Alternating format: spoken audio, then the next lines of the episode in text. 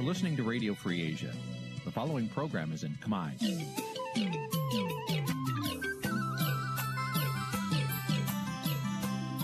Nǐ chi càm bi tiệp xáy vệt chiu a zì sê ray នេះជាកម្មវិធីផ្សាយរបស់ Vithu Azisari ជាភាសាខ្មែរ វត្តឈូអាស៊ីសេរីសូមស្វាគមន៍លោកអ្នកនាងទាំងអស់ពីរដ្ឋធានី Washington នៃសហរដ្ឋអាមេរិក បាទ ពីរដ្ឋធានី Washington ខ្ញុំបាទសេកបណ្ឌិតសូមជម្រាបសួរអស់លោកអ្នកនាងកញ្ញាទាំងអស់ជាទីមេត្រីបាទយើងខ្ញុំសូមជូនកម្មវិធីផ្សាយសម្រាប់រាត្រីថ្ងៃប្រហោះ7រោចខែអាសត់ឆ្នាំឆ្លូវត្រីស័កពុទ្ធសករាជ2565ត្រូវនៅថ្ងៃទី28ខែតុលាគ្រិស្តសករាជ2021បាទជាដំបូងនេះសូមអញ្ជើញអស់លោកអ្នកនាងស្ដាប់ព័ត៌មានប្រចាំថ្ងៃដែលមានមេតិការដូចតទៅ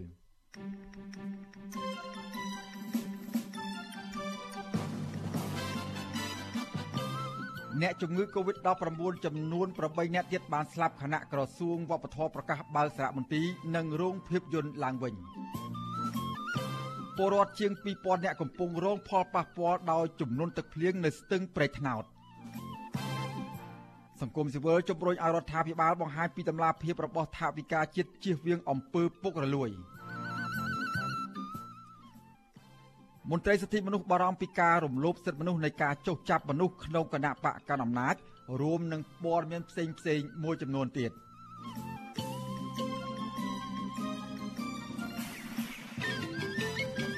បាទជាបន្តទៅទៀតនេះខ្ញុំបាទសេកបណ្ឌិតសូមជូនព័ត៌មានពិស្ដាបាទលោកនាងកញ្ញាជាទីមេត្រីករណីស្លាប់ដោយសារជំងឺ Covid-19 បានកើនឡើងដល់ជាង2700នាក់ហើយក្រោយពីអ្នកជំងឺចំនួន8នាក់ទៀតបានស្លាប់ ក្នុងនោះមាន5នាក់មិនបានចាក់វ៉ាក់សាំងបាទចំណែកករណីឆ្លងថ្មីវិញក្រសួងសុខាភិបាលប្រកាសថាមានជាង100នាក់ដែលជាលទ្ធផលបញ្ជាក់ដោយម៉ាស៊ីនពិសោធន៍ PCR ក៏ប៉ុន្តែតួលេខនេះមិនបានរាប់បញ្ចូលលទ្ធផលដែលពិនិត្យតាមឧបករណ៍តេស្តរហ័សឬហៅថា Rapid Test នោះទេបាទគិតត្រឹមព្រឹកថ្ងៃទី28ខែតុលានេះកម្ពុជាមានអ្នកកើតជំងឺ Covid-19 ជិត120,000នាក់ក្នុងនោះមានអ្នកជាសះស្បើយមានជាង110,000នាក់ បាទក្រសួងសុខាភិបាលប្រកាសថាគិតត្រឹមថ្ងៃទី27ខែតុលាម្សិលមិញរដ្ឋាភិបាលចាក់វ៉ាក់សាំងជូនប្រជាពលរដ្ឋដែលគ្រប់អាយុបានស្ទើរតែ100%ក្នុងចំណោមមនុស្ស10លាននាក់បាទចំណែកកុមារនិងយុវជនដែលមានអាយុចាប់ពី6ឆ្នាំដល់7ឆ្នាំវិញក្រសួងបញ្ជាក់ថាចាក់វ៉ាក់សាំងបានជិត3លាន7សែននាក់ក្នុងចំណោមអ្នកដែលត្រូវចាក់វ៉ាក់សាំងសរុបជិត4លាននាក់ បាទលោកនាងកញ្ញាជាទីមេត្រីក្រសួងវប្បធម៌និងវិចិត្រសិល្បៈបើកសារមន្ទីររោងភាពយន្តនិងរោងសម្ដែងសិល្បៈឲ្យដំណើរការឡើងវិញក្នុងរាជធានីភ្នំពេញក្រសួងប្រកាសនៅថ្ងៃនេះថាអ្នកដែលអាចចូលទស្សនាបាន គឺអ្នកដែលបានចាក់វ៉ាក់សាំងគ្រប់ដូសហើយលើកលែងតែក្មេងអាយុក្រោម6ឆ្នាំបន្ថែមពីលើនេះអ្នកចូលទស្សនាត្រូវតែគោរពអនុវត្តតាមវិធានការគោលការណ៍ស្តង់ដារប្រតិបត្តិរួមមានពាក់ម៉ាស់ និងត្រូវរក្សាគម្លាតសុវត្ថិភាពដើម្បីទប់ស្កាត់ការឆ្លងរីករាលដាលនៃជំងឺ Covid-19 បាទនៅថ្ងៃដដែលនេះរដ្ឋតបាលរាជធានីភ្នំពេញបន្តផ្អាកបណ្ដោះអាសន្ននៅសកម្មភាពការងារអាជីវកម្មដែលមានហានិភ័យខ្ពស់នៃការឆ្លងរីករាលដាលនៃជំងឺ Covid-19 និងការជួបជុំប្រមូលផ្ដុំគ្នាជាលក្ខណៈឯកជន រយៈពេល14ថ្ងៃថែមទៀតចាប់ពីថ្ងៃទី29ខែតុលាដល់ថ្ងៃទី11ខែវិច្ឆិកាខាងមុខ បាទសកម្មភាពការងារមុខរបរឬក៏អាជីវកម្មដែលហាមទាំងនោះរួមមានការ៉ាអូខេរ៉ាងកាសាល Discotheque ការប្រមូលផ្ដុំមនុស្សជាលក្ខណៈឯកជនលើសពី50នាក់លើកលែងតែក្នុងករណីការជួបជុំនៅក្នុងចំណោមសមាជិកគ្រួសារនិងសាច់ញាតិក្នុងពិធីបុណ្យសាសនាឬក៏ពិធីប្រពៃណីផ្សេងផ្សេង ការជួបជុំរបស់អាជ្ញាធរមានសមត្ថកិច្ចនគរបាលក្នុងការបំពេញការងារថែរក្សាសន្តិសុខសណ្ដាប់ធ្នាប់និងការជួបជុំរបស់បុគ្គលិករដ្ឋការជួបជុំរបស់បុគ្គលិកសុខាភិបាលដើម្បីអនុវត្តវិធានការសុខាភិបាលជាដើម។បាទកម្ពុជានឹងចាប់ផ្ដើមបើកទទួលភ្ញៀវទេសចរអន្តរជាតិឡើងវិញ នៅតំបន់ទេសចររួមមួយចំនួន គឺនៅខេត្តប្រសេនុកោះរ៉ុង នៅខេត្តប្រសេនុនិងតំបន់តារាសាគរខេត្តកោះកុងចាប់ពីថ្ងៃទី30ខែវិច្ឆិកាខាងមុខនេះបាទការបើកទទួលនេះគឺអនុញ្ញាតឲ្យភ្ញៀវទេសចរជាតិដែលបានចាក់វ៉ាក់សាំងគ្រប់ដូសហើយនៅស្នាក់នៅនិងទស្សនាក្នុងតំបន់ទេសចរដោយសុវត្ថិភាព thank you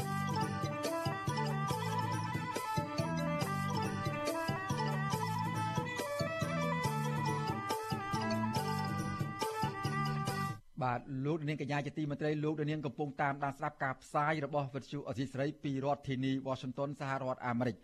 បាទលោកនាងក៏អាចស្ដាប់ការផ្សាយរបស់វិទ្យុអាស៊ីសេរីដំណើរគ្នានឹងការផ្សាយលើបណ្ដាញសង្គម Facebook និង YouTube តាមរយៈរលក ធាតុអាកាសខ្លីឬ Shortwave តាមកម្រិតនិងកម្ពស់ដូចតទៅនេះ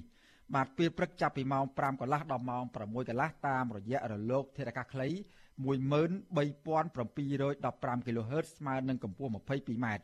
បាទនៅពេលយប់ចាប់ពីម៉ោង7កន្លះដល់ម៉ោង8កន្លះតាមរយៈរលកធាតុអាកាសខ្លី9960 kHz ស្មើនឹងកម្ពស់ 30m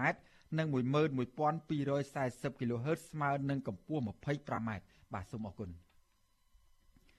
បាទលោកនាងកញ្ញាជាទីមេត្រីក្រមការងារក្រមអង្គការសង្គមស៊ីវិលជំរុញឲ្យរដ្ឋាភិបាលបង្ហាញតម្លាភាពថវិកាជាតិ ទាំងប្រភពចំណូល និងចំណាយដល់សាធារណជនឲ្យបានលម្អិតនិងច្បាស់លាស់ដើម្បីលុបបំបាត់អំពើពុករលួយទៅតាមស្ថាប័នរបស់រដ្ឋបាទការជំរុញបែបនេះធ្វើឡើងនៅក្នុងវេទិកាសាធារណៈថ្នាក់ជាតិស្ដីពីការចូលរួមរបស់ប្រជាពលរដ្ឋនៅក្នុងដំណើរការនៃការកសាងថវិកានិងការតាមដានលើការចំណាយថវិកាសាធារណៈក្នុងបរិបទ COVID-19 ដែលរៀបចំឡើងដោយវិទ្យការនៃអង្គការមិនមែនរដ្ឋាភិបាលស្ដីពីកម្ពុជាហៅកាត់ថា NGO Forum នៅថ្ងៃទី28ខែតុលានេះបាទពីរដ្ឋធានី Washington លោកទីនសាករាយាមានសេចក្តីរាយការណ៍ជុំវិញព័ត៌មាននេះច្បាប់ថាវិការជាតិគឺជាឧបករណ៍ដ៏មានសារៈសំខាន់បំផុតរបស់រដ្ឋាភិបាលកម្ពុជាក្នុងការអនុវត្តផែនការអភិវឌ្ឍជាតិនិងតាមវិស័យនីមួយៗដើម្បីសម្រេចបាននូវកំណើនសេដ្ឋកិច្ចនិងការកាត់បន្ថយភាពក្រីក្រ ជាពិសេសក្នុងពេលប្រទេសកម្ពុជាកំពុងតែរងគ្រោះវិបត្តិជំងឺ Covid-19 ប៉ុន្តែមន្ត្រីអង្គការសង្គមស៊ីវិលពិនិត្យឃើញថាថាវិការជាតិដែលរដ្ឋាភិបាលប្រើប្រាស់កន្លងមក នៅមិនទាន់មានតម្លាភាព និងគណនេយ្យភាពត្រឹមត្រូវនោះទេពួកគាត់ទាមទាររដ្ឋាភិបាលលាតត្រដាងអំពីចំណូលប្រចាំឆ្នាំដែលរកបានមកពីគ្រប់វិស័យនិងការប្រើប្រាស់ខ្ទង់ចំណាយឲ្យបានលម្អិតជាសាធារណៈព្រោះការបាត់បង់រឿងថាវិការជាតិនេះនាំឲ្យការប្រើប្រាស់ថាវិការជាតិពុំមានប្រសិទ្ធភាព នឹងកើតមានអំពើពុករលួយនាយកប្រតិបត្តិវេទិកានៃអង្គការមិនមែនរដ្ឋាភិបាលស្ដីពីកម្ពុជាលោកអុកវណ្ណារាថ្លែងថាដំណាភាពឬភាពបើកចំហនៃព័ត៌មានថាវិការជាតិជាប្រការដ៏សំខាន់បំផុតដែលញ៉ាំងឲ្យប្រជាពលរដ្ឋទុកចិត្តលើរដ្ឋាភិបាលលោកបន្តថាគិតមកដល់ពេលនេះព័ត៌មានថាវិការជាតិរដ្ឋាភិបាលមិនទាន់ផ្សព្វផ្សាយឲ្យបានទូលំទូលាយនោះឡើយលោកវណ្ណរាបញ្ជាក់ថា លទ្ធផលនៃការអង្កេតថាវិការជាតិជាចំហរយៈពេល2ឆ្នាំម្ដង កាលពីឆ្នាំ2019តាក់ទងនឹងដំណាភាពនិងកណន័យភាពថាវិការជាតិការចូលរួមរបស់ប្រជាពលរដ្ឋនិងការត្រួតពិនិត្យការចាយវាយថវិកាជាតិពីសំណាក់ស្ថាប័ននីតិបញ្ញត្តិនិងអាជ្ញាធរសវនកម្មជាតិបង្ហាញថាកម្ពុជា នៅតែទទួលបានពិន្ទុទាបខ្លាំងបើប្រៀបធៀបជាមួយប្រទេសជិតខាង។ ដើម្បីបានពិន្ទុកើនឡើងស្ថាប័នរាជរដ្ឋាភិបាលជាពិសេសក្រសួងសេដ្ឋកិច្ចនិងហិរញ្ញវត្ថុគួរបញ្ចេញនៅឯកសារកលឹះតាក់ទងជាមួយនឹងថាវិការគឺមាន8បាទតាមស្តង់ដារអន្តរជាតិដែលយើងត្រូវបង្ហាញជូនទៅសាធារណជននៅក្នុងនោះមានឯកសារជាស្ដីព្រៀងថាវិការចាំបាច់ត្រូវតែផ្ដល់ជូនសាធារណជនតាមកាលកំណត់មុនបញ្ជូនទៅរដ្ឋសភាបាទសាធារណជនត្រូវបានឃើញបានដឹងដើម្បីផ្ដល់ជាធាតចូលចំណុចទី2សំណើថាវិការដែលចេញពីទីស្តីការរដ្ឋមន្ត្រីមុនចូលទៅរដ្ឋសភាត្រូវបញ្ចេញឯកសារនេះតាមរយៈ website ទី3បន្ទាប់ពីរដ្ឋសភាប្រតិសភាបានអនុម័តឲ្យ live ប្រហោះដោយព្រះមហាក្សត្រនៃយើងត្រូវផ្សព្វផ្សាយដើម្បីឲ្យបានឃើញអង្គការវិការដែលបានអនុម័តហ្នឹងសាធារណជនអាចមានផ្នែកចូលរួមពិនិត្យតាមដានការអនុវត្តផែនការនោះគណៈរដ្ឋមន្ត្រីនៃរបបលហ៊ុនសែនបានអនុម័តសេចក្តីព្រាងច្បាប់ថវិកាជាតិឆ្នាំ2022រួចហើយកាលពីព្រឹកថ្ងៃទី22ដុល្លារដែលក្រុងចំណាយថវិកាជាតិសរុបប្រមាណ8500លានដុល្លារអាមេរិក គម្រោងចំណាយនេះកើនឡើងជាង8%ធៀបនឹងឆ្នាំ2021ដែលមានប្រមាណ7500លានដុល្លារតាក់ទងនឹងចំណូលវិញរដ្ឋាភិបាលក្រុងប្រមូលចំណូលឲ្យបានជាង6300លានដុល្លារកើនឡើងជិត20%បើធៀបទៅនឹងឆ្នាំ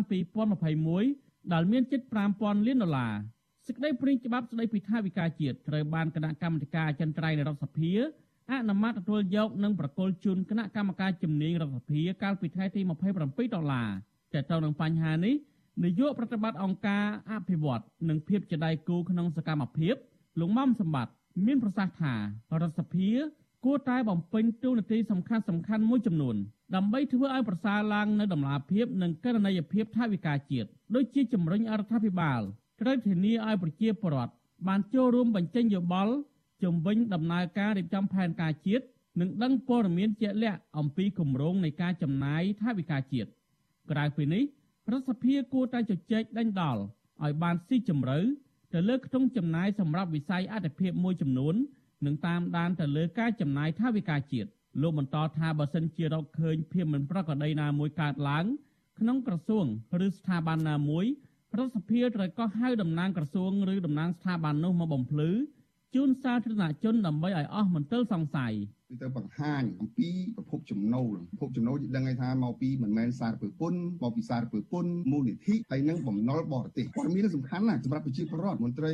រាជការវិស័យឯកជនឬក៏អ្នកពាក់ព័ន្ធដទៃទៀតពីព្រោះថាពួកគាត់ជាប់កាតព្វកិច្ចក្នុងការបង់ពន្ធទោះបីជាបំណុលមកពីបរទេសក៏ប្រជាពលរដ្ឋមានកាតព្វកិច្ចចូលរួមការសងត្រឡប់ទៅវិញទៅប្រទេសអស់ទៅនឹងតាមរយៈការបង់ពន្ធគ្រប់សារពើផងដែរដូច្នេះកន្លែងនេះគួរតែមានលម្អិតនៅក្នុងថវិកាជាតិដើម្បីឲ្យប្រជាពលរដ្ឋលោកយល់ហើយមួយវិញទៀតយើងដឹងថានៅពេលដែលចំណាយសភាមានទូរទីសំខាន់ណាស់ក្នុងការតាមដានត្រួតពិនិត្យរាល់ការចំណាយថវិកាជាតិទៅតាមមូលដ្ឋានទៅតាមក្រសួងតើតើនឹងបញ្ហានេះប្រធាននាយកដ្ឋានអប់រំបង្ការនិងទប់ស្កាត់នៃអង្គភាពប្រឆាំងអំពើពុករលួយ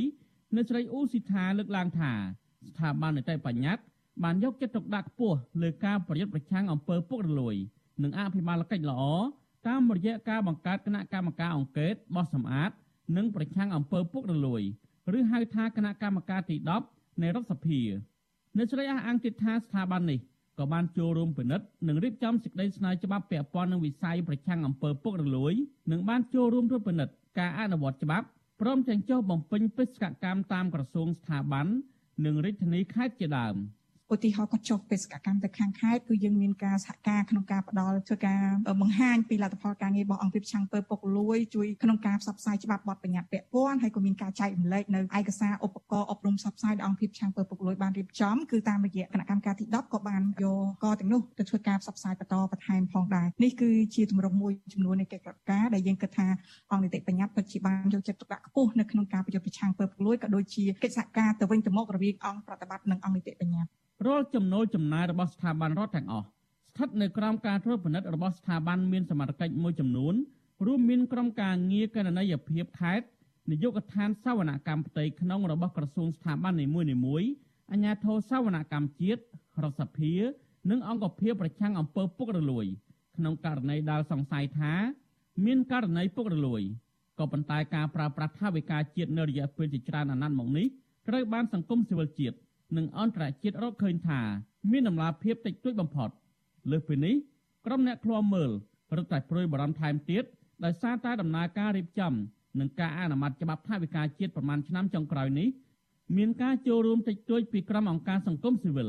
ហើយធ្ងន់ធ្ងរជាងនេះទៅទៀតនោះគឺគ្មានវត្តមានតំណាងរាស្ត្រគណៈបកប្រឆាំងដើម្បីជជែកដេញដោលសោះតែម្ដងខ្ញុំទីនសាការីយ៉ាអសិរ័យប្រធានីវ៉ាស៊ីនតោន បាទលោកនាងកញ្ញាជាទីមេត្រីអតីតសកម្មជនបឹងកក់និងជាអ្នកចូលរួមតវ៉ាទាមទាររកយុត្តិធម៌សង្គមគឺលោកស្រីសាទផាត្រូវបានអាជ្ញាធរដោះលែងចេញពីពន្ធនាគាររាជធានីភ្នំពេញឬហៅថាពេស៊ីវិញហើយនៅថ្ងៃទី28ខែតុលានេះបាទការដោះលែងនេះគឺបន្ទាប់ពីលោកស្រីបានជាប់ឃុំគ្រប់ចំនួនកំណត់រយៈពេល12ខែបាទអាជ្ញាធរបាន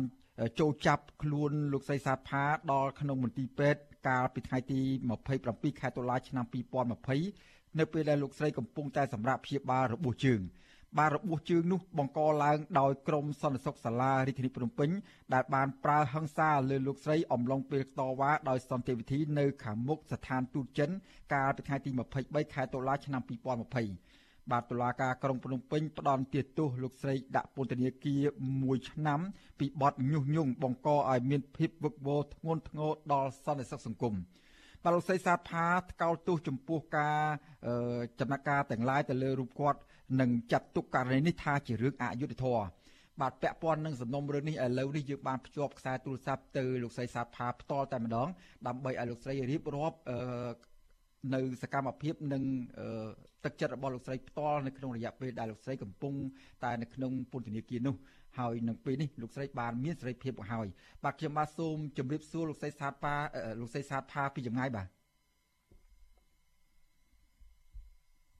បាទលោកស្រីសាទផាឬខ្ញុំទេបាទ បាទមិនដឹងចាំមិនទេមុននេះយើងបានតាក់ទងគាត់ឮច្បាស់ក៏ប៉ុន្តែដល់ម៉ោងផ្សាយផ្ទាល់តែម្ដងយើងមិនអាចឮសម្លេងគាត់ច្បាស់យើងនឹងព្យាយាមតាក់ទងទៅគាត់ម្ដងទៀតបាទឥឡូវនេះយើងមានសេចក្តីរាយការណ៍មួយទៀតបាទគឺផ្ដោតទៅលើបញ្ហាមួយចំនួនពាក់ព័ន្ធនឹងប្រជាពលរដ្ឋរស់នៅក្នុងរាជធានីភ្នំពេញនិងខេត្តកំពង់ស្ពឺ បន្តរងគ្រោះដោយសារតែទឹកចំនួនទឹកភ្លៀងបណ្ដាលមកពីទឹកស្ទឹងព្រៃថ្នោតបាទអាជ្ញាធរពាក់ព័ន្ធកំពុងតែជួយសង្គ្រោះប្រជាពលរដ្ឋនិងអំពាវនាវឲ្យប្រជាពលរដ្ឋមានការប្រុងប្រយ័ត្នបាទអ្នកស្រីសុជីវីមានសេចក្តីរាយការណ៍ជុំវិញព័ត៌មាននេះចំនួនទឹកភ្លៀងស្ទឹងព្រៃថ្នោតនៅតែបន្តគំរាមកំហែងដល់ពលរដ្ឋរស់នៅតំបន់ខ្លះនៃរាជធានីភ្នំពេញ ខេត្តកណ្ដាលនិងខេត្តកំពង់ស្ពឺដែលបណ្ដាលឲ្យពលរដ្ឋយ៉ាងហោចណាស់2000គ្រួសារកំពុងរងផលប៉ះពាល់ទោះយ៉ាងណាចំនួនទឹកភ្លៀងនៅប៉ុន្មានថ្ងៃនេះមិនទាន់បណ្ដាលឲ្យពលរដ្ឋណាម្នាក់បាត់បង់ជីវិតនោះឡើយអ្នកនាំពាក្យគណៈកម្មាធិការជាតិគ្រប់គ្រងគ្រោះមហន្តរាយលោកខុនសុខាឲ្យវិទ្យុអាស៊ីសេរីដឹងថា តាមរបាយការណ៍បឋមដែលលោកទទួលបានពលរដ្ឋរស់នៅខេត្តកណ្ដាលចំនួន2ឃុំជាង1400នាក់ កំពុងរងផលប៉ះពាល់ចំណែករាជធានីភ្នំពេញនិងខេត្តកំពង់ស្ពឺលោកនៅមិនទាន់ទទួលបានរបាយការណ៍ពីអាជ្ញាធរនៅឡើយទេទោះយ៉ាងណាលោកប្រាប់ថារាជធានីភ្នំពេញដែលត្រៀមប្រកាសអាសន្នកាលពីថ្ងៃទី27ខែតុលា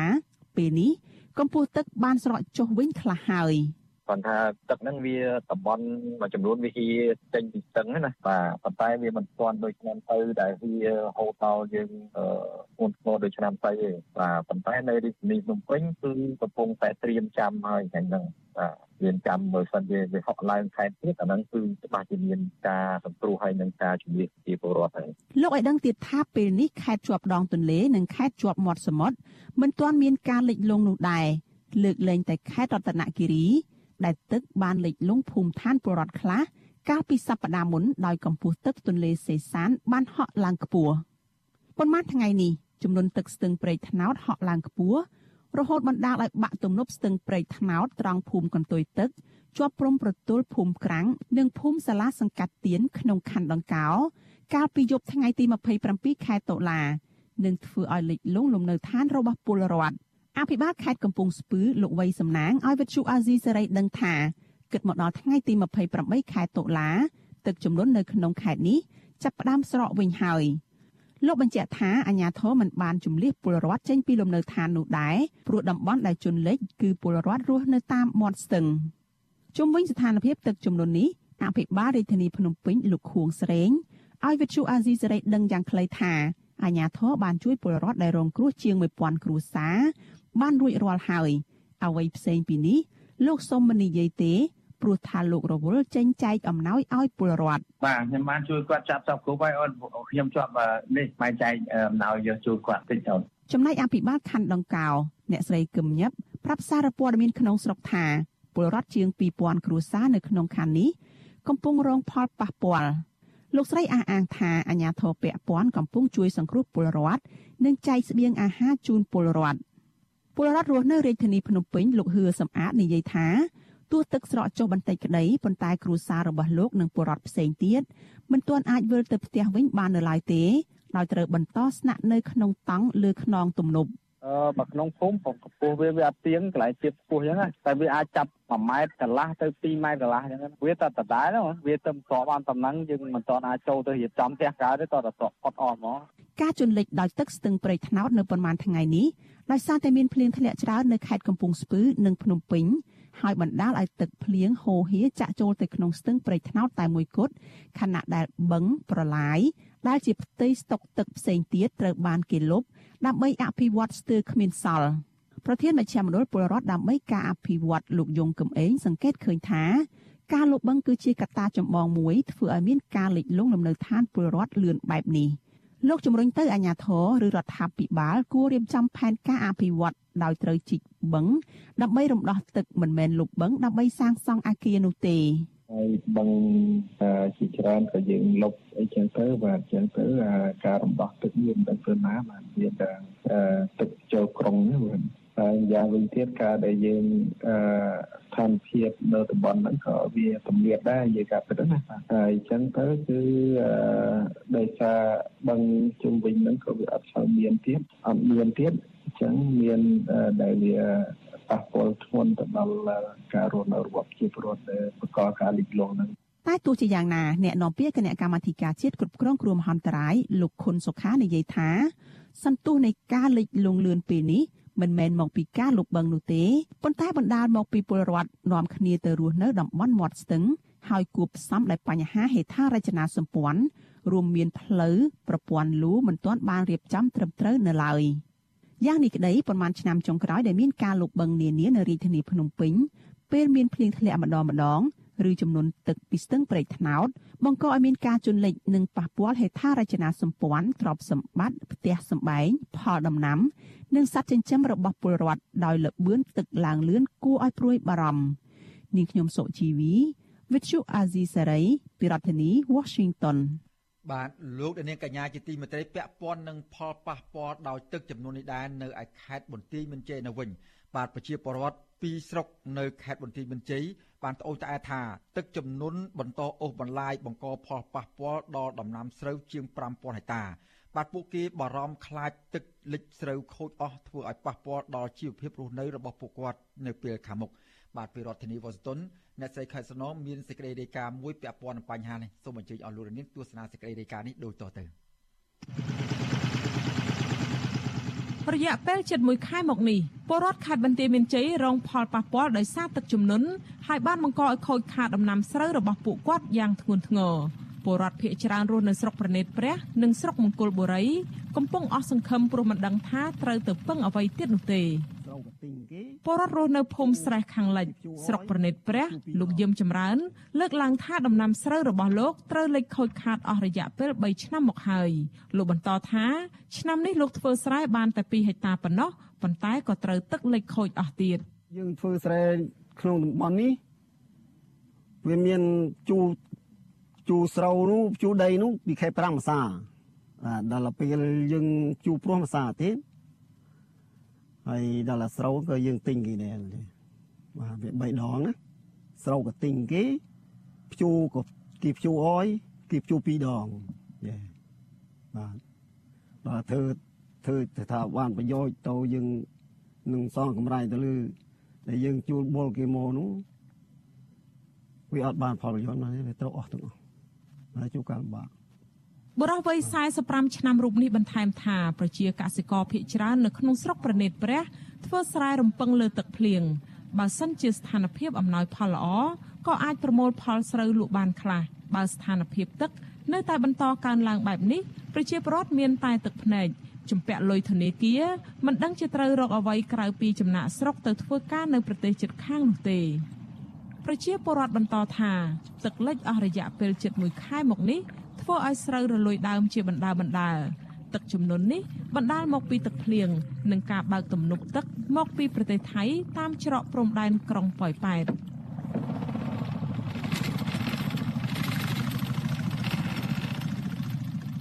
កសិករមួយរូបទៀតនៅភូមិខ្លាខំឆ្កែស្រុកមង្គលបុរី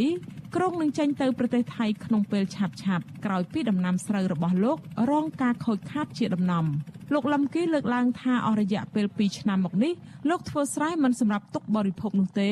ដោយសារតែទឹកលិចស្រូវខូចអស់លោកបន្តថាប្រជាពលរដ្ឋភ័យច្រើនតែងតែរំពឹងទៅលើការធ្វើស្រែចម្ការ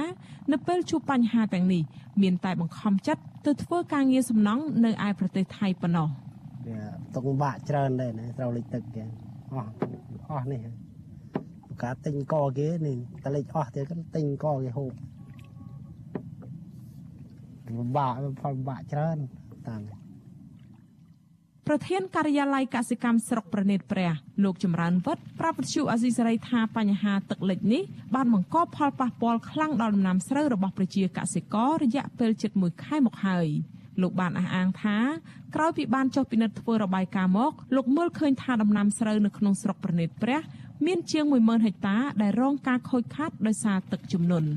ឃុំដែលប៉ះពាល់ច្រើនមាននៅប្រទេសព្រះឈ្នួមជ័យបាទហើយមានកម្មនិងឃុំដែលប៉ះពាល់ច្រើនណាពីនឹងប៉ះពាល់ដែរប៉ុន្តែវាវាវាតិចចង់និយាយថាទឹកភ្លៀងនេះវាស្រង់មកចំ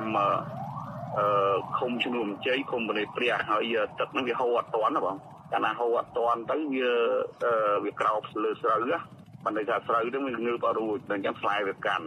កាលណាផ្លែកាន់ណាធ្វើឲ្យស្រូវហ្នឹងវាវាឆាប់ខូចហ៎បង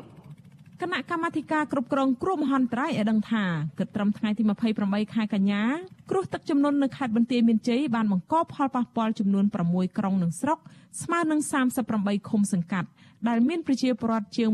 18000គ្រួសារ ក្នុងនោះមានប្រជាពលរដ្ឋប្រមាណ1100គ្រួសារត្រូវបានជម្លៀសទៅកាន់ទីទួលសុវត្ថិភាពចំណែកការខូចខាតក្នុងវិស័យកសិកម្មវិញខូចខាតដំណាំស្រូវជាង25000ហិកតា និងដំណាំរួមផ្សំប្រមាណ300ហិកតាលិចលង់សាលារៀន26កន្លែងវត្តអារាម9កន្លែង និងមណ្ឌលសុខភាព2កន្លែងផងដែរចា៎នេះខ្ញុំខែសុណងវັດឈូអាស៊ីសេរីរាយការណ៍ពីរដ្ឋធានី Washington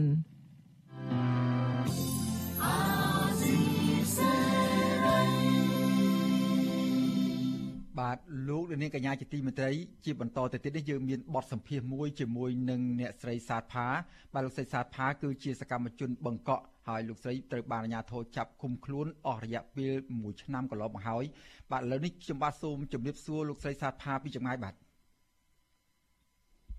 ចាជំរាបសួរបាទជំរាបចាជំរាបសួរបាទជំរាបសួរអ្នកមីងបាទ បាទអរគុណណាបានឮច្បាស់ហើយលើកមុនស្ដាប់មិនបានច្បាស់សោះអឺកន្លងមកនេះខ្ញុំបានដឹងសុខទុក្ខរបស់លោកស្រីនឹងនៅក្នុងពន្ធនាគារណាតាមតែរយៈកូនស្រីរបស់លោកស្រីទេក៏ប៉ុន្តែពេលនេះខ្ញុំមានឱកាសបានជួបលោកស្រីផ្ទាល់តែម្ដងលោកស្រីអាចរៀបរាប់បានទេថាតើនៅក្រៅពេលចេញមកពីពន្ធនាគារវិញនេះលោកស្រីមានសុខភាពយ៉ាងដូចម្ដេចហើយឃើញថាលោកស្រីនេះមានកោសក់ផងលោកស្រីអាចបញ្ជាក់បានទេថាហេតុអ្វីបានជាបន្ទាប់ចេញពីពន្ធនាគារមកត្រូវកោសក់យ៉ាងអញ្ចឹងបាទ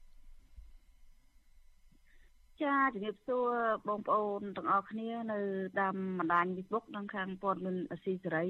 ដែលជប់នោះកៅសក់ពីរដងហើយនៅក្នុងពន្ធនាគារខ្ញុំកៅម្ដងឥឡូវខ្ញុំបានចេញមកក្រៅខ្ញុំកៅម្ដងទៀតបាទអាចបញ្ជាក់ខ្ញុំអយុធធម៌ចំពោះខ្ញុំចាបាទអាចបញ្ជាក់ពីមូលហេតុអ្វីទេបានដល់កៅមានការកៅសក់ដល់ខ្លួនឯងដល់ទៅ2ដងអញ្ចឹងលោកស្រីបាទ ខ្ញុំមានភាពអយុត្តិធម៌នៅក្នុងគុកពេស៊ីបានរឹតបន្តឹងធ្វើបាបពួកខ្ញុំដោយអាញាធរមន្ត្រីនៅពន្ធនាគារខົບខិតជាមួយអ្នកមានលុយមកធ្វើបាបពួកខ្ញុំពួកខ្ញុំទៅនៅក្នុងពន្ធនាគារមួយរយៈកន្លងទៅខ្ញុំឈឺចាប់មែនតែនអឺលោកស្រីអាចបាទបាទសូមជឿបាទ ខ្ញុំមកឈឺចាប់ដោយសារពន្ធនាគារបានបញ្ជូនខ្ញុំទៅពីព្រៃមកពីទៅពេលស៊ីនេះគឺខ្ញុំឲ្យខ្ញុំទៅរស់នៅជាមួយមនុស្សឈួតមនុស្សឈួតបានប្រមាថមើងងាយស្លាប់នឹងខ្ញុំខ្ញុំមានការឈឺចាប់មែនតែនរហូតបានខ្ញុំមកដេកជាមួយមនុស្ស80នាក់ជាងមកបញ្ជូនខ្ញុំទៅដេក M1 ទៅទៅដេក M1 ខ្ញុំជិតនៅជាមួយឈឿនដាវី ខ្ញុំបានទៅនៅជាមួយឈឿនណាវីខ្ញុំអត់មានប្រហាលខ្ញុំដេកបន្ទប់ទូចខ្ញុំអត់មានប្រហាលដូចឡខ្ញុំមានការឈឺចាប់មែនតើមកទៅទៀតអ្នកមានលុយអ្នកមានលុយឈ្មោះនារីមុខមុខរត់ដែលបោកលុយធនាគារកណារយាយកលុយទៅជះក្នុងពន្ធនាគារហ្នឹងធ្វើបាបពួកខ្ញុំគាត់បើកតួតួគាត់បើក ចម្រៀងគាត់លេង Facebook គាត់មិនអោយរំខានខ្ញុំដេក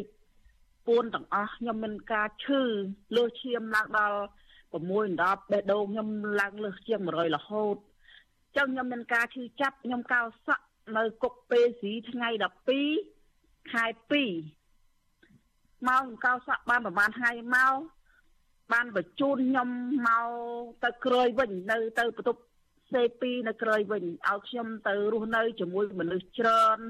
ខ្ញុំវេទនាដែលគេធ្វើបាបខ្ញុំប្រធានបន្ទប់ខ្ញុំនឹងបានខົບខិតជាមួយពេទ្យអែម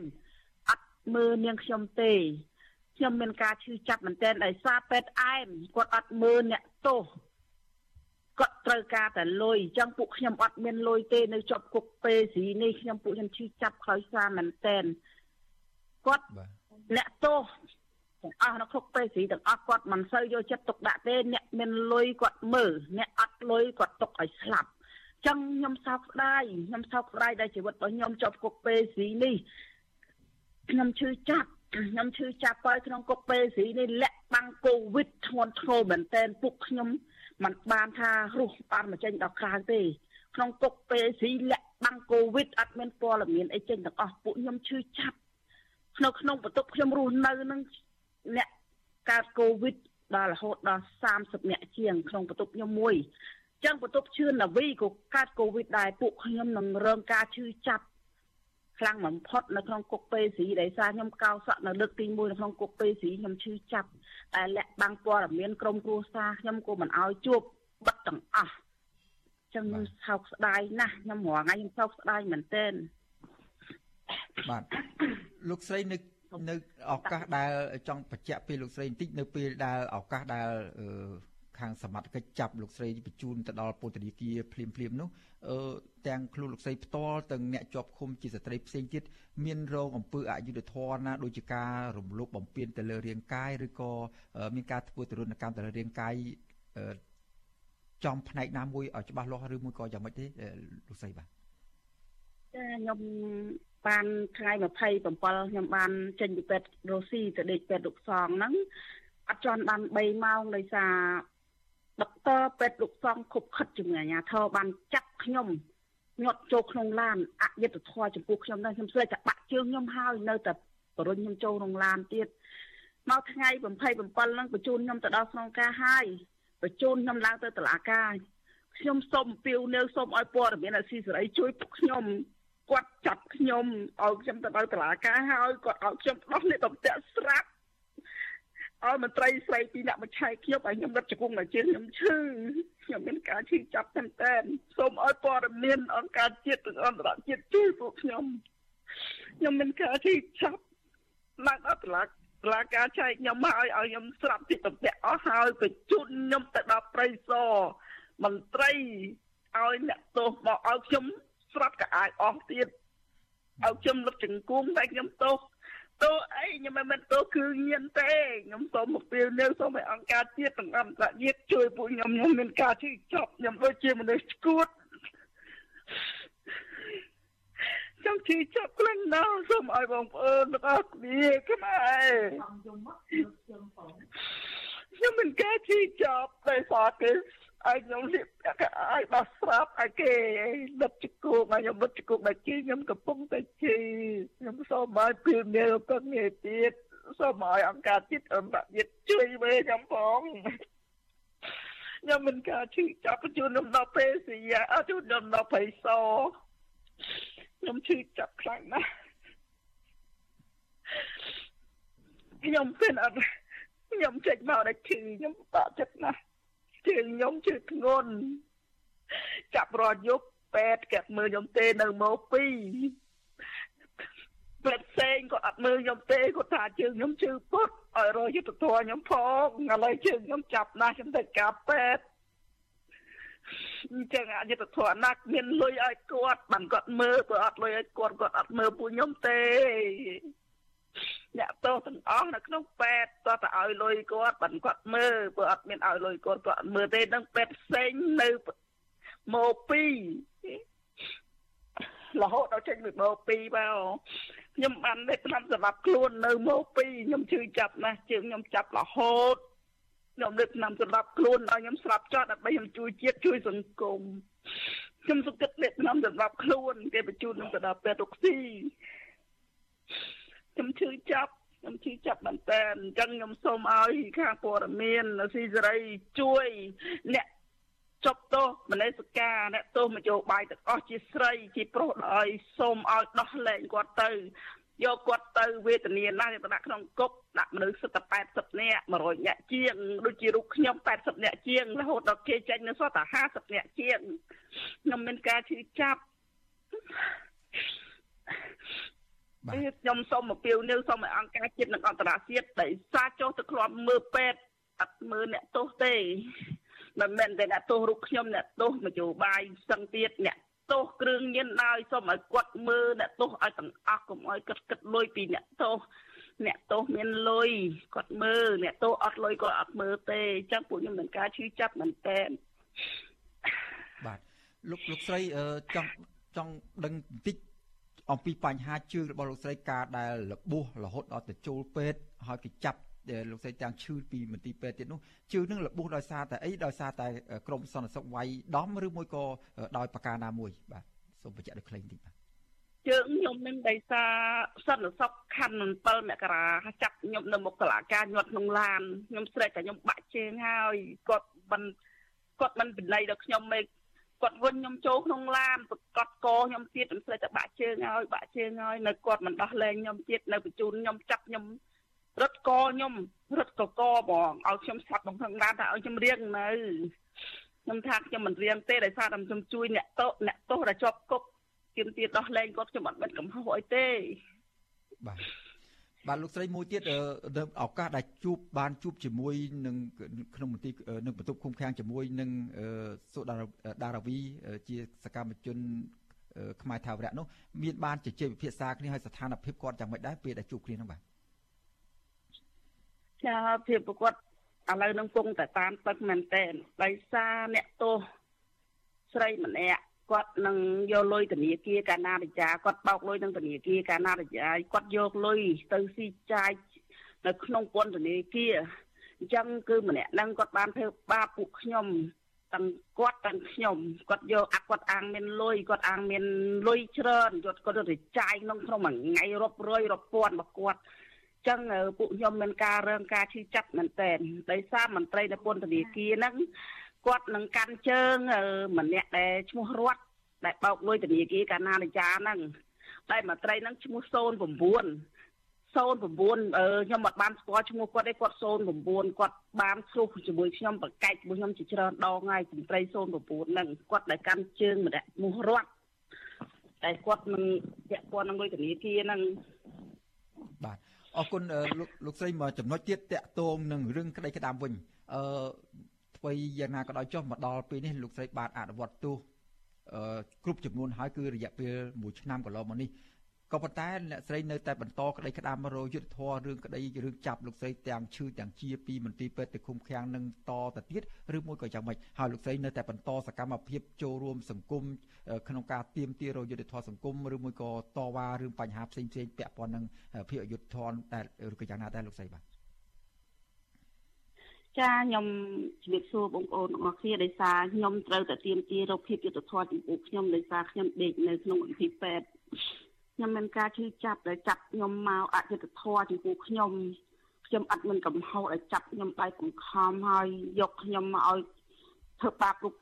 យើងខ្ញុំឈឺចាប់មែនតើឥឡូវខ្ញុំកំពុងតែឈឺចាប់បាទ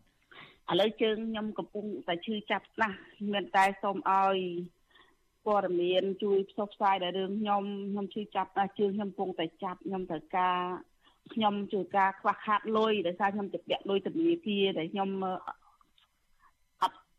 មានលទ្ធភាពទេអញ្ចឹងសូមឲ្យពំពាវនាវសូមបងប្អូននៅក្នុងប្រទេសនិងក្រៅប្រទេសជួយពួកខ្ញុំផងខ្ញុំអត់មានលទ្ធភាពទេដោយសារខ្ញុំជាប់គុកហើយមកដល់ផ្ទះវិញ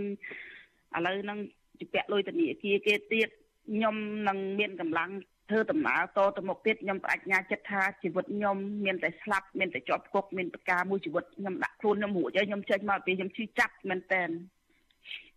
បាទអញ្ចឹងនៅពេលខាងមុខបើសិនជាសុខភាពលោកស្រីបានល្អប្រសើរវិញនោះតើលោកស្រីនឹងចូលរួមសកម្មភាពតស៊ូមតិនៅក្នុងសង្គមដើម្បីភាពយុត្តិធម៌សង្គមបន្តទៀតដូចមុនទៀតទេឬមួយក៏យ៉ាងម៉េចបាទ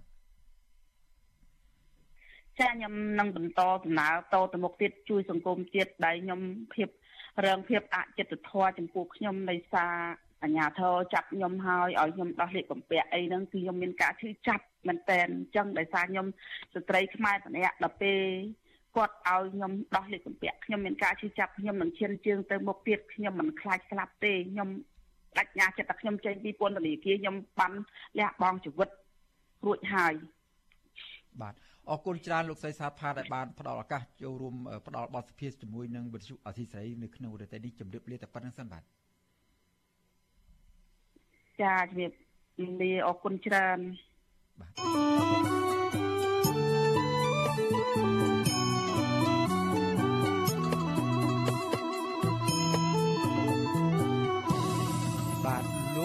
ជាទីមេត្រីពាក់ព័ន្ធនឹងការរំលោភសិទ្ធិមនុស្សនិង ភាពអយុត្តិធម៌នៅក្នុងសង្គមនេះដែរសហគមន៍ខ្មែរនៅក្រៅប្រទេសបង្កើតគណៈកម្មការស៊ើបអង្កេតឧក្រិដ្ឋកម្មនិងការរំលោភបំពានសិទ្ធិមនុស្សនិងប្រជាធិបតេយ្យនៅកម្ពុជាបាទតំណាងគណៈកម្មការនេះបដិញ្ញាថានឹងប្រមូលភស្តុតាងជាក់ស្ដែងដើម្បីនាំមេដឹកនាំកម្ពុជាឲ្យទទួលទោសចំពោះការប្រព្រឹត្តបំពានយ៉ាងដូចនេះ បាទឥឡូវនេះតើតើគណៈកម្មការនេះមានមធ្យោបាយអ្វីខ្លះដើម្បីសម្រេចទិសដៅរបស់ខ្លួនយ៉ាងណានោះបាទបន្តិចទៀតនេះលោកដានៀននឹងបានស្ដាប់បទសម្ភាសរបស់លោកមូលនរិទ្ធជុំវិញបញ្ហានេះក៏ប៉ុន្តែមុនទៅដល់បទសម្ភាសនេះខ្ញុំបាទសូមជួបលោកមូលនរិទ្ធបន្តិចសិនបាទសូមជម្រាបសួរលោកមូលនរិទ្ធបាទ បាទសូមជម្រាបសួរលោកសេកបណ្ឌិតហើយសូមជម្រាបសួរលោកនាងទាំងអស់ដែលកំពុងតាមដានស្ដាប់និងទស្សនាវិទ្យុអេស៊ីសេរីទាំងអស់ជាទីមេត្រីបាទបាទលោកដារ៉េតនៅពេលដែលលោកមានជួបសម្ភារនៅពេលខាងមុខនេះតើលោកនឹងលើកយកចំណុចអ្វីមួយដើម្បីមកបង្ហាញជូនលោកនាងដែលកំពុងតាមដាននិងទស្សនាការផ្សាយរបស់វិទ្យុអេស៊ីសេរីនៅក្នុងប្រទេសនេះបាទបាទ អរគុណណាស់លោកសេចបណ្ឌិតតាមពិតទៅនៅក្នុងរាត្រីនេះយើងមានប្រធានបទដែលសំខាន់ហ្នឹងគឺតកតងនឹងការដុតដៃដុតជើងរបស់ប្រជាពលរដ្ឋនៅសហគមន៍ខ្មែរនៅក្រៅប្រទេសដែលនាំគ្នាបង្កើតជាគណៈកម្មការស៊ើបអង្កេតមួយ ដើម្បីប្រមូលភ័ស្តុតាងធ្វើយ៉ាងណាផ្ដន់ទាទោស របបគ្រប់គ្រងក្រុងភ្នំពេញនិងមន្ត្រីរបស់គាត់នឹងឲ្យទទួលខុសត្រូវចំពោះបទអក្រិតទាំងឡាយណាដែលប្រព្រឹត្តឬក៏អំពើហិង្សារួមទាំងការរំលោភសិទ្ធិមនុស្សនិងប្រជាធិបតេយ្យផងដូច្នេះនៅក្នុងរាត្រីនេះយើងនឹងដឹងច្បាស់ថាតើគណៈកម្មការនឹងគេបង្កើតឡើងយ៉ាងម៉េចអ្នកណាជាអ្នកបង្កើតហើយគោលដៅសំខាន់នោះតើធ្វើយ៉ាងម៉េចដើម្បីសម្រេចបេសកកម្មដ៏ធំនេះព្រោះកន្លងមកក៏មានស្ថាប័ន ជាតិនិងអន្តរជាតិហ្នឹងគេដុតដៃដុតជើងដែរក៏ប៉ុន្តែតើតើប្រជាពលរដ្ឋខ្មែរខ្លួនឯងនោះអាចនឹងធ្វើជាសាកសីបង្ហាញសក្ខីកម្មយ៉ាងម៉េចឲ្យប្រមូលបានយ៉ាងម៉េចដើម្បីធ្វើឲ្យសហគមន៍អន្តរជាតិនឹងបានលឺនិងបានយកចិត្តទុកដាក់បន្ថែមទៀតដើម្បីឲ្យរឿងមួយចំនួនដែលកប់ជ្រៅនៅយូរនោះអាចយកមកដោះស្រាយហើយអ្នកដែលប្រព្រឹត្តអំពើនេះមកទទួលខុសត្រូវនោះបាទទាំងអស់នេះនឹងមានស្រាយចម្ងល់នៅក្នុងរាត្រីនេះដែលខ្ញុំនឹងសម្ភាស តំណាងឲ្យអង្គការគណៈកម្មការមួយដែលនឹងនិយាយពឹស្ដាររឿងនេះនៅម៉ោង8កន្លះដល់ម៉ោង9យប់នេះបាទបាទសូមអរគុណលោកដារ៉េតហើយលោករៀងកុំភ្លេចរងចាំតាមដានស្ដាប់បទសភានេះកុំបីខានបាទសូមជម្រាបលាលោកដារ៉េតតែប៉ុណ្្នេះសិនបាទសូមជម្រាបលាបាទលោកនាងកញ្ញាជាទីមេត្រីពាក់ព័ន្ធនឹងបញ្ហាសិទ្ធិមនុស្សដដែលនេះ មន្ត្រីសិទ្ធិមនុស្សបារម្ភអំពីការរំលោភសិទ្ធិមនុស្សនៃការចុះចាប់មនុស្សរបស់គណៈបកកណ្ដាលអំណាចដែលហ៊ានចេញវីដេអូចោទប្រកាន់រដ្ឋមន្ត្រីក្រសួងរៀបចំដែនដីនគររូបនីយកម្មនិងសំណង់លោកជាសភារាថាមានសហាយស្មន់និងប្រព្រឹត្តអំពើពុករលួយក្នុងថាបានប្រព្រឹត្តអំពើពុករលួយនៅក្នុងជួបបកបាទលោកមួងដារ៉េតមានសេចក្តីរាយការណ៍អំពីរឿងនេះ មន្ត្រីឃ្លាំមើលសិទ្ធិមនុស្សកំពុងតែសង្ស័យអំពីចំណាត់ការស្ងាត់ស្ងាត់និងដោយអាត់កំបាំងរបស់កងកម្លាំងសមត្ថកិច្ចស្លៀកពាក់ស៊ីវិលដែលនាំគ្នាផ្លោះមាត់ទ្វាររបស់មុខផ្ទះរបស់សកម្មជនគណបកប្រជាជនកម្ពុជាមួយរូបដើម្បីចូលទៅចាប់ខ្លួនគាត់ដល់ក្នុងគេហដ្ឋានអ្នកនាំពាក្យសមាគមការពារសិទ្ធិមនុស្សអាត6លោកសឹងសានករណាថាអង្គការរបស់លោកកំពុងតែតាមដានរឿងនេះ និងព្រួយបារម្ភអំពីសវត្ថភាពនឹងការរំលោភសិទ្ធិសកម្មជនរួមនេះក្រោយវីដេអូឃ្លីបជាច្រើន បានបង្ហោះនិងចែកចាយតាមបណ្ដាញសង្គមដែលបង្ហាញរូបភាពសមត្ថកិច្ចជាច្រើនអ្នកពាត់ផ្ទះនិងផ្លោះមាត់ទ្វាររបងចូលទៅដល់ក្នុងផ្ទះរបស់គាត់ដើម្បីចាប់ខ្លួន។ ឲ្យតែមានការរិះគន់ទៅចំអ្នកណាដែលជាអ្នកមានអធិបុលមានអំណាចអានេះយើងមិននិយាយតែក្នុងករណីហ្នឹងណាយើងឃើញថាតែងតែមានបញ្ហាហើយរាល់ការចាត់វិធានការផ្លូវច្បាប់អីទាំងអស់ហ្នឹងយើងឃើញថាដូចជាហាក់ធ្វើឡើងដោយអកំបាំងបាត់ព័ត៌មានឈឹងហើយมันមានអ្វីជាព័ត៌មានសោះយើងឃើញកន្លងមកក៏មានខាងសកម្មជនគណៈបកជំទាស់ហ្នឹងត្រូវបានចាត់ធានការទៅដោយ ស្ងាត់ស្ងាត់ដោយបាត់មួយរយៈហើយក្រោយមកបានមានការលេចចេញនូវព័ត៌មានឬក៏មានព័ត៌មានខ្លះផ្សាយមកថាបានសារភាពបានអីចឹងទៅណាប្រតិកម្មរបស់មន្ត្រីឃ្លាំមើលសិទ្ធិមនុស្សរូបនេះធ្វើឡើងក្រោយសមាជិកសកម្មម្នាក់របស់គណៈបកកណ្ដាលអំណាចគឺលោកគង់ខៀងកាលពីចុងសប្តាហ៍កន្លងទៅ បានស្រែកដង្ហោយសូមឲ្យគេជួយ ពេលដែលសមត្ថកិច្ចស្លៀកពាក់ស៊ីវិលជាច្រើនអ្នក សម្រុកចូលផ្ទះរបស់គាត់ក្រោយគាត់ចេញវីដេអូរិះគន់ខ្លាំងៗលើលោកជាសុផារ៉ាថាបានប្រព្រឹត្តរឿងអាស្រូវប៉ះពាល់សិលធម៌សង្គមអឺពេលនេះគឺមន្ត្រីមានបរិញ្ញាផងមានប៉ូលីសមានអីបានវាយសម្រុកលូតផ្លោះចូលក្នុងផ្ទះរបស់ខ្ញុំមានបំណងចង់ធ្វើបាបខ្ញុំហើយនេះសូមបងប្អូនជួយ ជួយផ្សព្វផ្សាយរឿងនេះឲ្យបានសម្ដេចនឹងបានដឹងផងព្រោះ អស់លោកទាំងអស់ហ្នឹងកំពុងព្យាយាមទម្លុះផ្ទះខ្ញុំកំតិចផ្ទះខ្ញុំហើយសូមបងប្អូនជួយផងសូមមេត្តាជួយផងសូមមេត្តាជួយផងនៅមុននេះលោកគង់ខៀងដែលពាក់អាវសមាជិកគណៈបកប្រជាជនកម្ពុជា មានរូបទេវតាបាច់ផ្កាផងនោះ បានបង្ហោះវីដេអូចំនួន2ដោយចោទឧបនាយករដ្ឋមន្ត្រីនិងជារដ្ឋមន្ត្រីក្រសួងរៀបចំដែនដីនគររូបនីយកម្មនិងសំណង់លោកជាសភារា ពីករណីធំធំ លោកចោទថាលោកជាសភារាមានស្នេហាជាមួយប្រពន្ធគេ ករណីមួយទៀតគឺសកម្មជនបកកណ្ដាលអំណាចរូបនេះបានចោទលោកជាសភារាថាបានយកនារីជាស្រីស្នេហ៍នោះធ្វើជាឈ្មួញកណ្ដាលក្នុងការរត់ការទិញតួនាទីឬក៏មុខតំណែងខ្ពស់ខ្ពស់តែក្នុងជួរបកនិងរដ្ឋាភិបាលបើទោះបីជាយ៉ាងនេះក្តីរហូតមកដល់ពេលនេះគេមិនទាន់ដឹងថាលោកគង់ខៀងនៅទីណានៅឡើយទេព្រោះទំព័រ Facebook របស់លោកត្រូវបិទចោលចំណែកឯមន្ត្រីសមត្ថកិច្ចក៏កិច្ចវេះពីការឆ្លើយសំណួររបស់វិទ្យុអាស៊ីសេរី អ្នកនាំពាក្យនៃអគ្គស្នងការនគរបាលជាតិលោកឆាយកឹមខឿនសូមមិនឆ្លើយនឹងសំណួររបស់វិទ្យុអាស៊ីសេរីក្នុងរឿងនេះទេវត្តជូអាស៊ីសេរីបានព្យាយាមសុំការបំភ្លឺពីលោកជាសភារាតាមលេខទូរស័ព្ទនៅលើទំព័រ Facebook សាធារណៈរបស់លោក កាលពីថ្ងៃទី26ខែតុលាក៏ប៉ុន្តែស្ត្រីម្នាក់ដែលលើកទូរស័ព្ទនោះប្រាប់ថាច្រឡំលេខពេលដែលវត្តជូអាស៊ីសេរីប្រាប់ថាសូមជួបលោកជាសភារាដើម្បីបំភ្លឺរឿងនេះ។ វិទ្យុអាស៊ីសេរីបានសរសេរសំណួរតាមលេខប្រព័ន្ធទំនាក់ទំនងសង្គម WhatsApp របស់លោកជាសភារាក៏ប៉ុន្តែលោកមិនឆ្លើយតបវិទ្យុអាស៊ីសេរីក៏បានទូរស័ព្ទទៅជាច្រើនដងទៀតនៅថ្ងៃទី27ខែតុលាក៏ប៉ុន្តែទូរស័ព្ទចូលច្រើនដងគ្មានអ្នកទទួលចំណែកឯអ្នកនាំពាក្យក្រសួងដែនដីនិងនគររូបនីយកម្មលោកសេងលូតលោកមិនលើកទូរស័ព្ទនិងមិនតបអ៊ីមែលរបស់វិទ្យុអាស៊ីសេរីដែលសូមបំភ្លឺជំរឿនរឿងនេះនោះដែរ រីឯអ្នកនាំពាក្យគណៈបកប្រជាជនកម្ពុជាលោកសុកអេសានឯណោះវិញលោកអះអាងថាលោកមិនបានដឹងរឿងនេះនោះទេដូច្នេះលោកសុំមិននិយាយ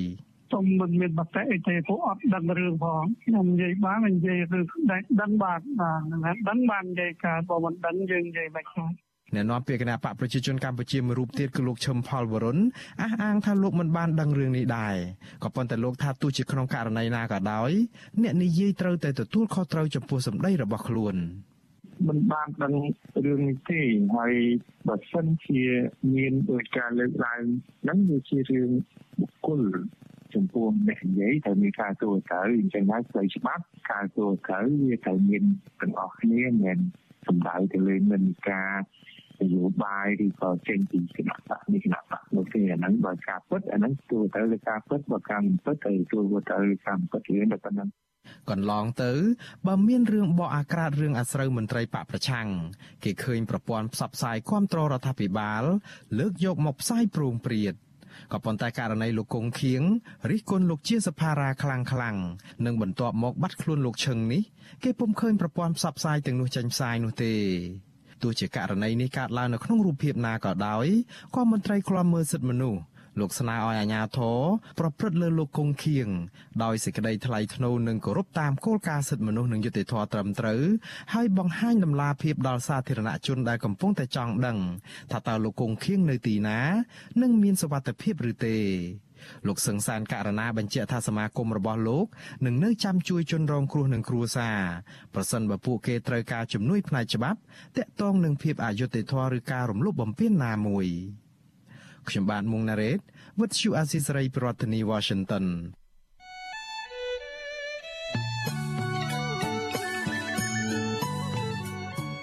បាទលោកនាងកញ្ញាជាទីមេត្រីលោកនាងកំពុងតាមដានស្ដាប់ការផ្សាយរបស់វិទ្យុអសីសេរីពីរដ្ឋធានី Washington សហរដ្ឋអាមេរិកបាទក្រៅពីការតាមដានស្ដាប់កម្មវិធីផ្សាយរបស់វិទ្យុអសីសេរីតាមបណ្ដាញសង្គម Facebook និង YouTube Telegram លោកនាងក៏អាចតាមដានស្ដាប់ការផ្សាយរបស់យើងខ្ញុំតាមរយៈបណ្ដាញសង្គម Instagram របស់វិទ្យុអាស៊ីសេរីបានដែរតាមរយៈតំណភ្ជាប់ឬក៏ link ដែលមានអាសយដ្ឋាន www.instagram.com/rfa ខ្មែរ បាទអាស៊ីសេរីបន្តខិតខំផ្សព្វផ្សាយព័ត៌មានពិតទៅកាន់បងប្អូនតាមរយៈបណ្ដាញសង្គមផ្សេងផ្សេងនិងសម្បូរបែបដើម្បីឲ្យអស់លោកនាងងាយស្រួលតាមដានការផ្សាយរបស់វិទ្យុអាស៊ីសេរីគ្រប់ពេលវេលានិងគ្រប់ទីកន្លែងតាមរយៈទូរស័ព្ទដៃរបស់អស់លោកនាង បាទសូមអរគុណប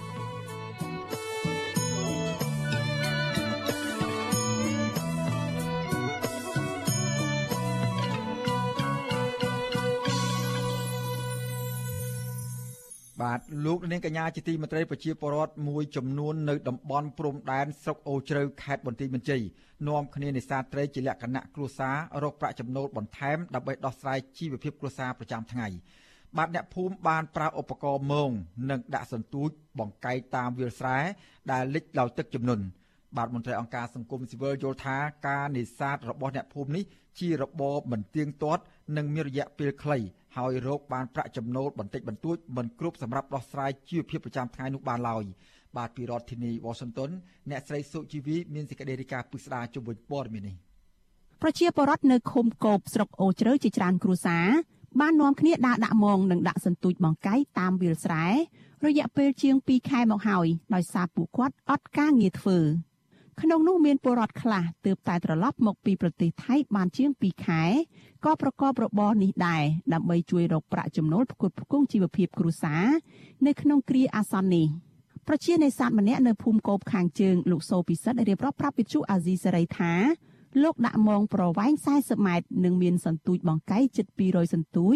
ដាក់តាមវាលស្រែលិចទឹកចំនួនអស់រយៈពេលជាង2ខែមកហើយចាប់តាំងពីលោកត្រឡប់មកពីប្រទេសថៃវិញបរិះវ័យ37ឆ្នាំរូបនេះបន្តថា ការនេសាទរយៈពេល1ខែដំបូងលោកចាប់ត្រីបានបន្តិចបន្តួចសម្រាប់តែធ្វើម្ហូបនៅក្នុងគ្រួសារតែប៉ុណ្ណោះលោកបន្តថារយៈពេល2សប្តាហ៍មកនេះលោកនេសាទបានត្រីច្រើនជាងមុនដោយលោកអាចទុកហូបក្នុងគ្រួសារផង និងលក់ឲ្យប្រជាពលរដ្ឋនៅក្នុងភូមិផង បានប្រាក់ចន្លោះពីជាង10000ទៅ40000រៀលនៅក្នុងមួយថ្ងៃ។ ម៉ោងអាស្រែខ្លះទៅទឹកចំនួនវាលិចអស់ហ្នឹងខូចស្រែអស់ទៅគឺវឹងល្វើយវាលលួយអស់អញ្ចឹងណាគឺដាក់បានពេលដែលកន្លែងណាដែលវាដាក់មិនបានទេដូរកន្លែងមើលកន្លែងណាឆ្លាស់ឆ្លាស់អញ្ចឹងដែរដាក់ទៅឲ្យដោតបកៃតាមលឺលឺស្រែស្មៅនឹងច្រូតអញ្ចឹងណាទឹកវាមានរយៈមានជ្រៅខ្លះទឹកលិចដល់ទ្រូងក៏មានខ្លះទៅក៏ត្រឹមជង្គង់ត្រឹមអីប៉ុន្តែយ៉ាងដើរតាមភ្លឺស្រែខ្លះទៅក៏បានតិចបានច្រើនទៅក៏លក់តិចតួចសំពេញកអញ្ចឹងការនឹងសំសំបងលុយធនាគារអញ្ចឹងអាណាកូនចៅរៀនអាណាមួយរៀនមួយអីត្រីដែលលោកនេសាទបានភៀកច្រើនជាប្រភេទត្រីក្រាញ់ត្រីរៀលនិងត្រីឆ្ពិនហើយមានឈ្មួញមកទិញដល់ផ្ទះមិនពិបាកលក់នោះទេលោកបន្តថាចាប់តាំងពីប្រកបរបរនេះមកលោកមិនសូវបានសម្រាកនោះទេដោយជាប់រវល់ពេញមួយយប់ដើរដាក់សន្ទូចបង្កាយនិងដាក់មងហើយយូរយូរម្ដង លោកសប្បាយចិត្តនៅពេលដែលនេសាទបានត្រីច្រើនលក់បានប្រាក់ជាង40000រៀលនៅក្នុងមួយថ្ងៃ លោកនិយាយថាប្រសិនបើមានការងារផ្សេងប្រសើរជាងនេះលោកមិននេសាទលំបាកបែបនេះទេ ពីព្រោះរបរនេះប្រឈមនឹងគ្រោះថ្នាក់ត្រូវពោះចឹកស្លាប់ផង ហើយធ្វើការហាលភ្លៀងរាល់យប់ផងលោកបញ្ជាក់ថាដោយសារតែជីវភាពគ្រួសារលោកក្រីក្រហើយនៅស្រុកអត់ការងារធ្វើ លោកក៏នេសាទត្រីដើម្បីជួយរកប្រាក់ចំណូលផ្គត់ផ្គង់ជីវភាពគ្រួសារពិបាកទី1ទឹកឡើងយើងទទួលស្នាក់រឿងពោះរឿងអីក្អែកទួយហើយមួយទៀតអត់ល្ងុយអត់អីដឹងថ្ងៃណាគឺមានណាមើលទេបើយើងមើលខាងចុងទឹកភ្លឺហ៎ បើនិយាយទៅបើមួយយប់មើល3ដងហើយមានហ្នឹងពេលណាត្រីសៀមើល4ដងម៉ោង9ហ្នឹងមើលភាសាអញ្ចឹងទៅមើលហ្នឹងដើរដល់លុយហ្នឹងហើយអញ្ចឹងទៅរឿងយប់ជ្រៅតិចម៉ោង2 10នេះមើលភាសាទៀតមូលហេតុថា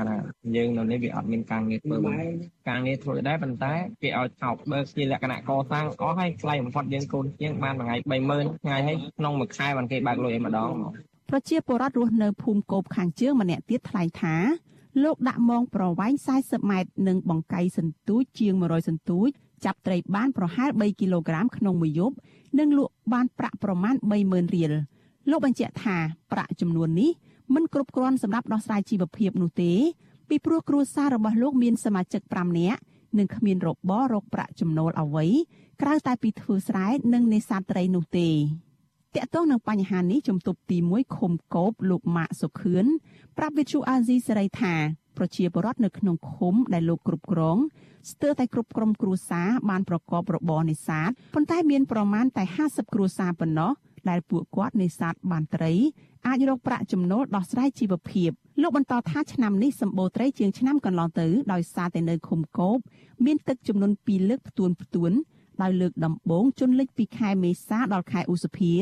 និងលើកទី2ទឹកជន់លិចចាប់តាំងពីខែកញ្ញារហូតមកលោកបន្តថារបរនេសាទរបស់អ្នកភូមិមានរយៈពេលប្រហែល3ខែ គឺពីខែកញ្ញារហូតដល់ខែវិច្ឆិកាដែលប្រជាពលរដ្ឋទំនេរពីការងារដាំដុះនៅក្នុងរដូវវស្សាចំពោះអ្នកចំណាក់ស្រុកមានច្រើនអ្នកខ្លះក៏ជាការទម្លាប់នៅ ជើងនេះវាតំបន់ជាប់ព្រំដែនដែរអញ្ចឹងហើយជួនកាលគាត់ចំណាក់ស្រុកទៅជិតជិតនេះទៅត្រឹមសាកែវទៅត្រឹមអីចឹងគាត់ជាមុខរបររបស់គាត់អញ្ចឹងណាគាត់អាចថាមានការងារនោះអីមានប្រាក់ចំណូលច្រើនអីចឹងគាត់ទៅទៅពេលដែលដល់រដូវស្រែគាត់មកវិញមកអ្នកខ្លះទៅក៏គាត់អាចថាជាពាក់គេគាត់ទៅរកសងគេក៏ថាបានប៉ុន្តែអ្នកខ្លះជាជីពប៉ុនគាត់ហើយគាត់ទៅនោះទៅវាគាត់មានជំនាញចំណេះអីចឹងគាត់ធ្វើការបានលុយច្រើនអីចឹង ជំទប់ទី1ឃុំគោបឲ្យដឹងទៀតថាបច្ចុប្បន្នប្រជាពលរដ្ឋនៅក្នុងឃុំនេះប្រមាណ200គ្រួសារទៅធ្វើការនៅប្រទេសថៃនិងមានពលរដ្ឋក្រីក្រជិត400គ្រួសារទទួលបានប្រាក់ឧបត្ថម្ភពីរដ្ឋាភិបាល។ទោះជាយ៉ាងណាប្រធានសមាគមពង្រឹងសេដ្ឋកិច្ចក្រៅប្រព័ន្ធកម្ពុជាលោកដិនពុទ្ធីសង្កេតឃើញថារបរនេសាទនេះជារបរបន្ទាប់បន្សំរកបានប្រាក់ចំណូលតិចតួចក្នុងពេលដែលប្រជាពលរដ្ឋអត់ការងារធ្វើតែប៉ុណ្ណោះលោកយល់ថាប្រជាពលរដ្ឋទាំងនោះ នឹងនៅតែក្រីក្រដដែល ប្រសិនបើរដ្ឋាភិបាលមិនបង្កើតការងារក្នុងស្រុកឲ្យបានច្រើនដើម្បីឲ្យពួកគាត់ធ្វើនិងជួយរកទីផ្សារលក់កសិផលរបស់កសិករឲ្យមានតម្លៃសមរម្យទេនោះ។ការនេសាទជាប្រចាំថ្ងៃហ្នឹងគឺវាធ្វើទទួលបានផលវាតិចតួចព្រោះយើងឃើញថាទឹកវាឡើងមកអញ្ចឹងវាចាល់នៅតាមវាលស្រែតាមអីអញ្ចឹងទៅនៅតាមចកាយអញ្ចឹងទៅប៉ុន្តែ ទឹកទាំងអស់នោះវានឹងស្រកទៅវិញក្នុងរយៈពេល1ខែឬក៏2ខែហ្នឹងអញ្ចឹងកាលណាស្រកទៅវិញគាត់ទៅរកនេសាទអីបានទៀតអត់បានទេជិះជាការងារបដោះអាសន្នទេវាជាការងារអស់ជំរឿនមិនអាចឲ្យគាត់រស់នៅក្នុងរយៈពេលយូរអង្វែងហើយមានប្រាក់ចំណូលសមរម្យគាត់អាចលើកស្ទួយជីវភាពរស់នៅរបស់គាត់ហ្នឹងឲ្យបានសមរម្យថ្លៃធ្នូដូចអ្នកមានឬក៏អ្នកមានមធ្យមទេអត់ទេលោកដិនពុទ្ធីបន្តថាប្រជាពលរដ្ឋនៅតំបន់ព្រំដែនខេត្តបន្ទាយមានជ័យភាគច្រើនពឹងផ្អែកទៅលើការលក់កម្លាំងពលកម្ម ធ្វើជាពលករឲ្យជនជាតិថៃនិងការលក់ដូរតាមព្រំដែនរវាងប្រទេសទាំងពីរ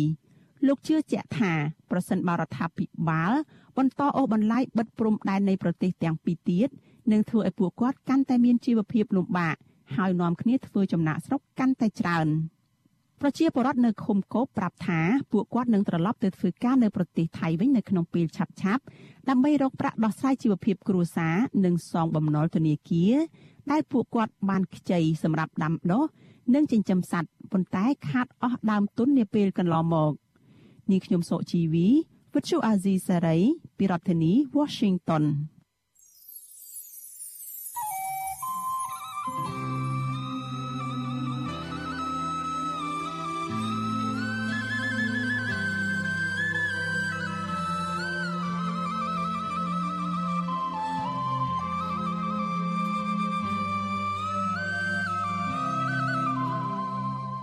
បាទលោកនាងកញ្ញាជាទីមេត្រីនៅឯខេត្តមណ្ឌលគិរីនៅវិញជនជាតិដើមភេតិចភ្នងជាង100គ្រួសារនៅខេត្តមណ្ឌលគិរីចោតមន្ត្រីយោធាផ្កាយ2ម្នាក់ថាបានប្រើអំណាចរំលោភយកដីសមរភាពរបស់ប្រជាពលរដ្ឋអស់ជាច្រើនហិកតាបាទដែលភូមិអំពីវនីវឲ្យអភិបាលខេត្តថ្មីផ្ដល់ដំណោះស្រាយចំនួនដីធ្លីនេះដោយចម្លាភាពនិងយុទ្ធធរស្របទៅតាមច្បាប់បាទលោករនាងនឹងបានស្ដាប់សេចក្តីរាយការណ៍ពុស្ដាអំពីរឿងនេះនៅព្រឹកស្អែក។ បាទលោកនាងកញ្ញាជាទីមេត្រីលោកនាងកំពុងតាមដានស្ដាប់ការផ្សាយរបស់វិទ្យុអសីស្រីពីរដ្ឋធានី Washington សហរដ្ឋអាមេរិកបាទចំពោះលោកនាងដែលកំពុងតាមដានស្ដាប់ការផ្សាយរបស់យើងខ្ញុំតាមរយៈរលកធាតុអាកាសខ្លីឬ Shortwave នោះនៅពេលនេះនឹងមិនលឺយើងខ្ញុំទៀតទេក៏ប៉ុន្តែលោកនាងដែលតាមដានស្ដាប់ការផ្សាយរបស់យើងខ្ញុំតាមរយៈបណ្ដាញសង្គម Facebook និង YouTube លោកដានៀងនៅតែបន្តតាមដានជាមួយយើងខ្ញុំជាបន្តទៀតបាទហើយនៅក្នុងការផ្សាយជាបន្តទៀតនេះយើងមានបទសម្ភាសន៍មួយដោយផ្ដោតទៅលើសហគមន៍ខ្មែរនៅក្រៅប្រទេសបង្កើតគណៈកម្មការស៊ើបអង្កេតឧក្រិដ្ឋកម្មនិងការរំលោភបំពានសិទ្ធិមនុស្សនិងប្រជាធិបតេយ្យនៅកម្ពុជា បាទតំណាងគណៈកម្មការនេះបញ្ញាថានឹងប្រមូលភស្តុតាងជាក់ស្ដែងដើម្បីនាំមេដឹកនាំកម្ពុជាឲ្យទៅទទួលទោសចំពោះការប្រព្រឹត្តបំពានអំពើទាំងនេះ បាទតើគណៈកម្មការនេះមានមធ្យោបាយអ្វីខ្លះដើម្បីសម្រេចទិសដៅរបស់ខ្លួននោះបាទលោកនាងបានស្ដាប់បទសម្ភាសន៍អំពីបញ្ហានេះនៅពេលបន្តិចទៀតដែលមានលោកមួងណារ៉េតដែលជាអ្នកសម្របសម្រួលបាទហើយសម្រាប់ពេលនេះខ្ញុំបាទសេកបណ្ឌិតសូមគោរពលាអស់លោកនាងតែប៉ុណ្ណេះបាទសូមជម្រាបលាបាទ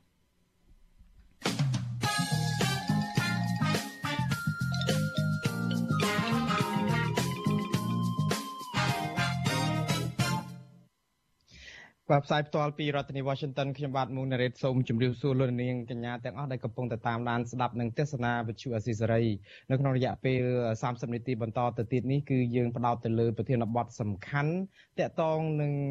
ពលរដ្ឋនៅសហគមន៍ខ្មែរនៅឯក្រៅប្រទេសដែលដុតដៃដុតជើងនាំគ្នាបង្កើតឲ្យមានជាគណៈកម្មការមួយដែលពួកគាត់ដាក់ឈ្មោះថាគណៈកម្មការស៊ើបអង្កេត សម្រាប់ប្រទេសកម្ពុជា ហើយបេសកកម្មធំរបស់គណៈកម្មការនេះគឺធ្វើយ៉ាងណាជាយន្តការមួយ